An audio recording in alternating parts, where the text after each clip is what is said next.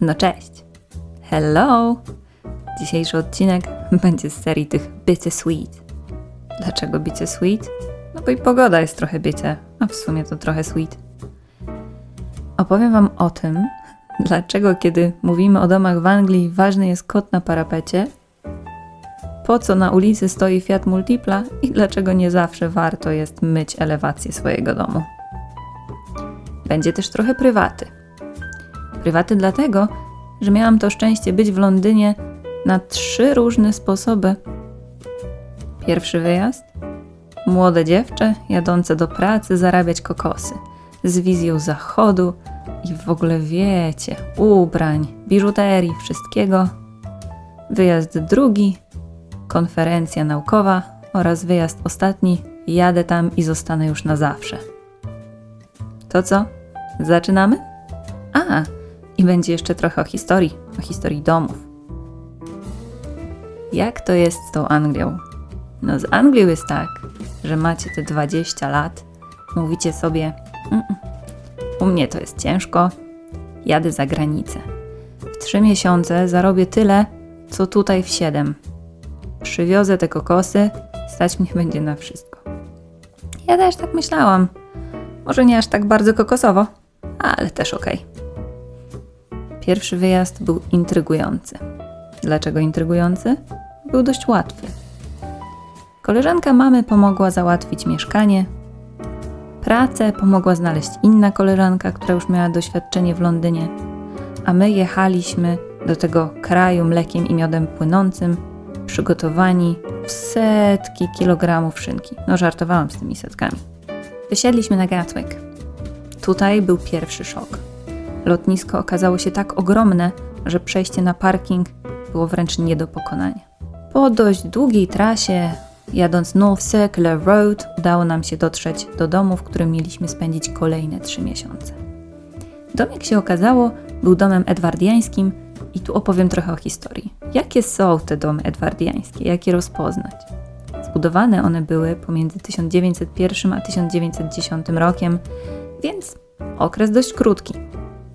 Domy są dość przestronne, zazwyczaj przed wejściem jest niewielki ogródek, pokoje dość wysokie, sash windows, czyli te takie okna, które otwieracie podnosząc je do góry. Chcecie krzyknąć tato, woda, a okno spada wam prosto na głowę. W środku kominki, te takie jak z bajki, wiecie co, jak dzieci w filmach czekają na Mikołaja, to właśnie tym kominkiem spadają prezenty. Taki też był dom, w którym mieszkaliśmy my. Dzielnica była dzielnicą żydowską, bardzo czystą, spokojną, cichą.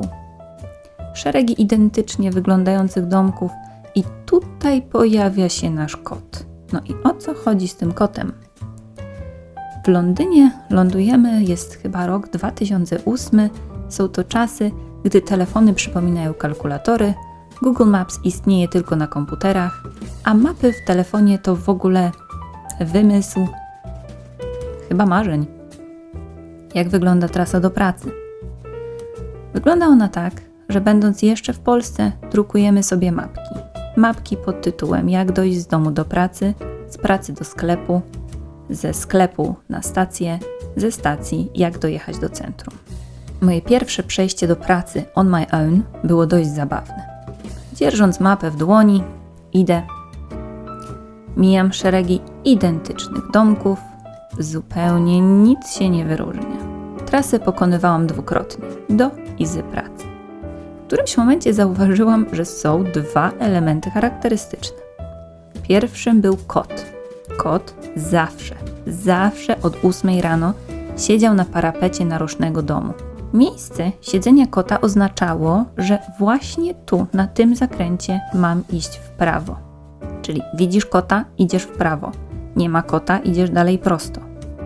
Drugim elementem charakterystycznym była zielona multipla.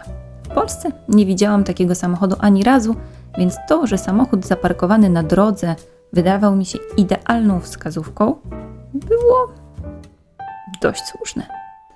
Kiedy już nabrałam odwagi i zdecydowałam się iść do pracy bez mapy, przez pierwszych kilka dni wszystko było ok. Problem pojawił się wtedy, gdy kota nie było a multiple przestawili. Tam, tam, tam, tam. Wyjazd numer dwa. Jestem dorosła. Jadę tam na konferencję. Człowiek poważny, dojrzały.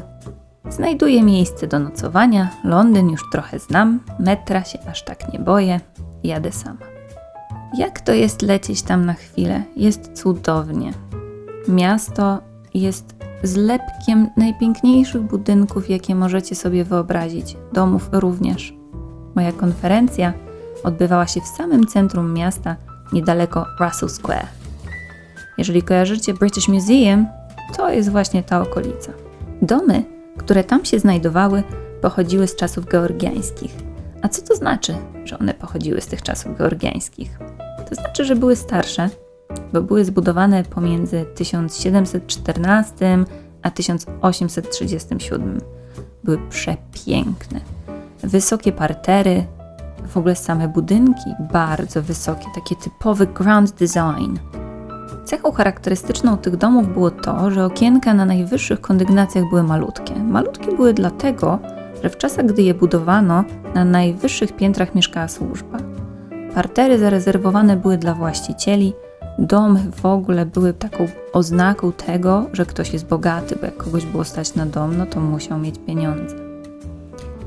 Innym elementem, który jest dość intrygujący, jest fakt, że część z tych domów ma zamurowane okna. A no dlaczego? Też dość intrygujące, gdyż w latach pomiędzy 1696 a 1851 obowiązywał podatek. Podatek zakładał, że jak masz duże okna, to masz dużo pieniędzy, więc możesz płacić wyższe podatki. No i co robić, żeby tych podatków nie płacić? Proste zamurować okna. I moment, w którym przylatujesz do Londynu, mieszkasz gdzieś w okolicy centrum, przechadzasz się tymi ulicami, szeroką Oxford Street, oglądasz ludzi, którzy przesiadują w kawiarniach, piją herbatę, kawę, rozmawiają i masz wrażenie, że ich życie jest idealne.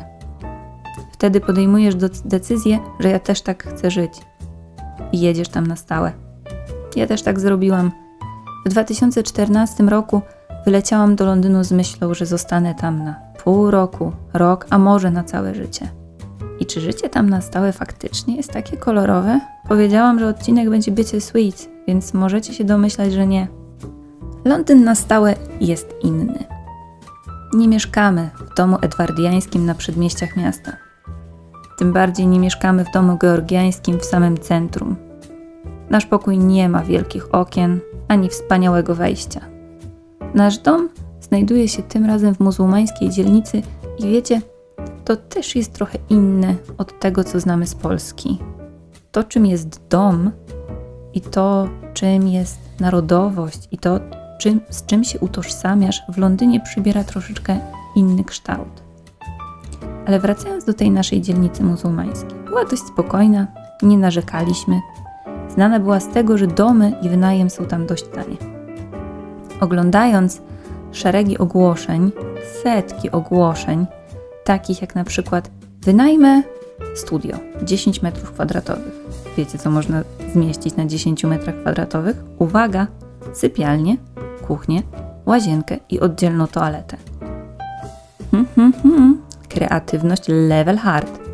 Nasz dom znajdował się w szeregu identycznie wyglądających chatek. Jak się później okazało, mieliśmy szczęście mieszkać w trzecim z charakterystycznych domów domu wiktoriańskim.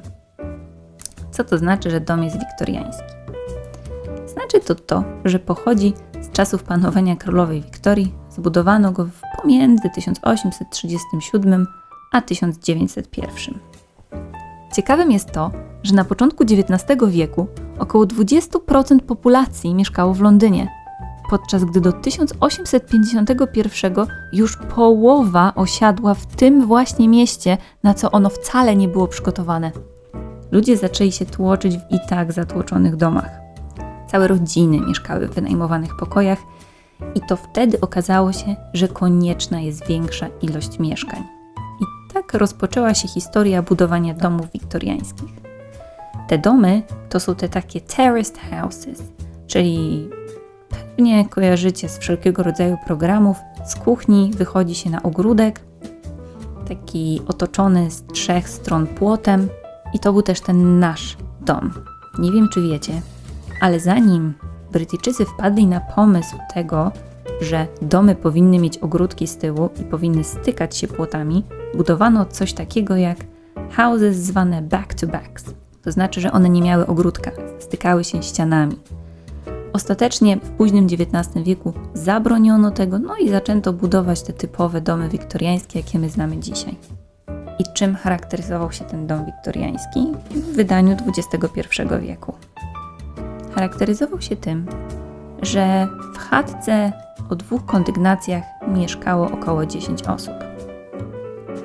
Gotowaliście kiedyś obiad z dziesięcioma innymi osobami? Fan, fan, fan, nie polecam. Każda kondygnacja zamieszkiwana była przez dwie lub trzy pary, które dzieliły ze sobą łazienkę. Utrzymanie porządku graniczyło z cudem. Znowu mieliśmy szansę korzystać z sash window, ale tym razem wychodziło ono na ten wewnętrzny ogródek. Podnosząc okno, czuliśmy świeży powiew obiadu sąsiadów. Obiad gotowany był z samego rana, południe i wieczorem. Dlaczego? Domyślcie się.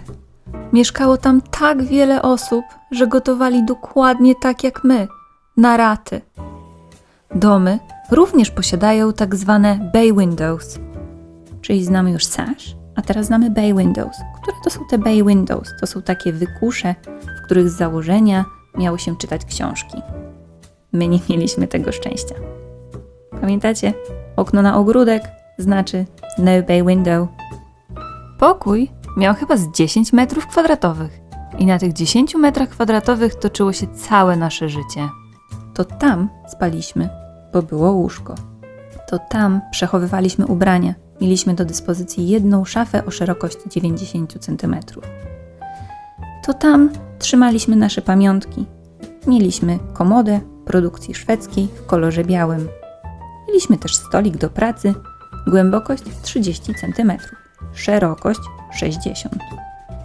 I tak naprawdę całe nasze życie zamykało się, jak już wiecie, na tych 10 metrach kwadratowych. Wtedy też zrozumieliśmy, dlaczego tak wielu mieszkańców tego miasta spędza czas w kawiarniach czy w parkach. Pierwsza kwestia jest taka, że dojazd w Londynie gdziekolwiek jest bardzo trudny.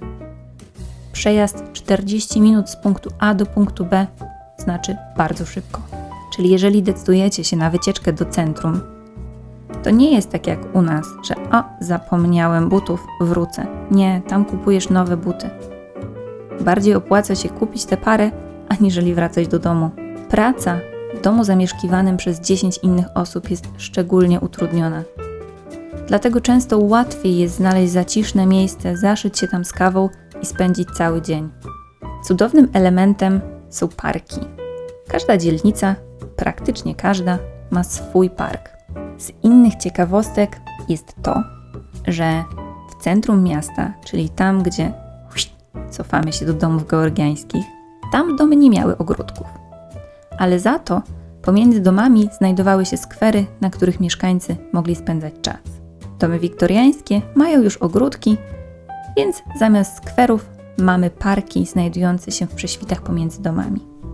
Mając doświadczenie dzisiaj, czy jestem gotowa powiedzieć, jak bardzo odmienna od marzeń wygląda realizacja tego mm, snu o życiu w Londynie? Hm. Nie jest łatwo. Nie jest łatwo mieszkać tak, jak mieszkaliśmy. Ale wiecie co? Obiecałam Wam kilka historyjek. Ta o kocie? Checked. Fiat Multipla? Checked. No to o co chodzi z tym myciem fasady? Kojarzycie ten Downing Street? Jeden z bardziej charakterystycznych budynków w centrum miasta. Pamiętacie fasadę? Podpowiem Wam. Jest georgiańska. W ciemnym kolorze wpadającym w czarny. Pierwotnie myślano, że budynek został wymurowany z czarnej cegły. Do czasu, aż podjęto decyzję o tym, że należy go umyć. Jak go umyli, okazało się, że to nie była czarna cegła, a po prostu brud. Ogród zmyto, a budynek już przestał być tak charakterystyczny. W związku z tym zdecydowano się pomalować go jeszcze raz na czarno. Tym pozytywnym akcentem kończymy krótką przypowiastkę o spełnieniu marzeń i o tym, czym jest dom. See you next time. Kisses.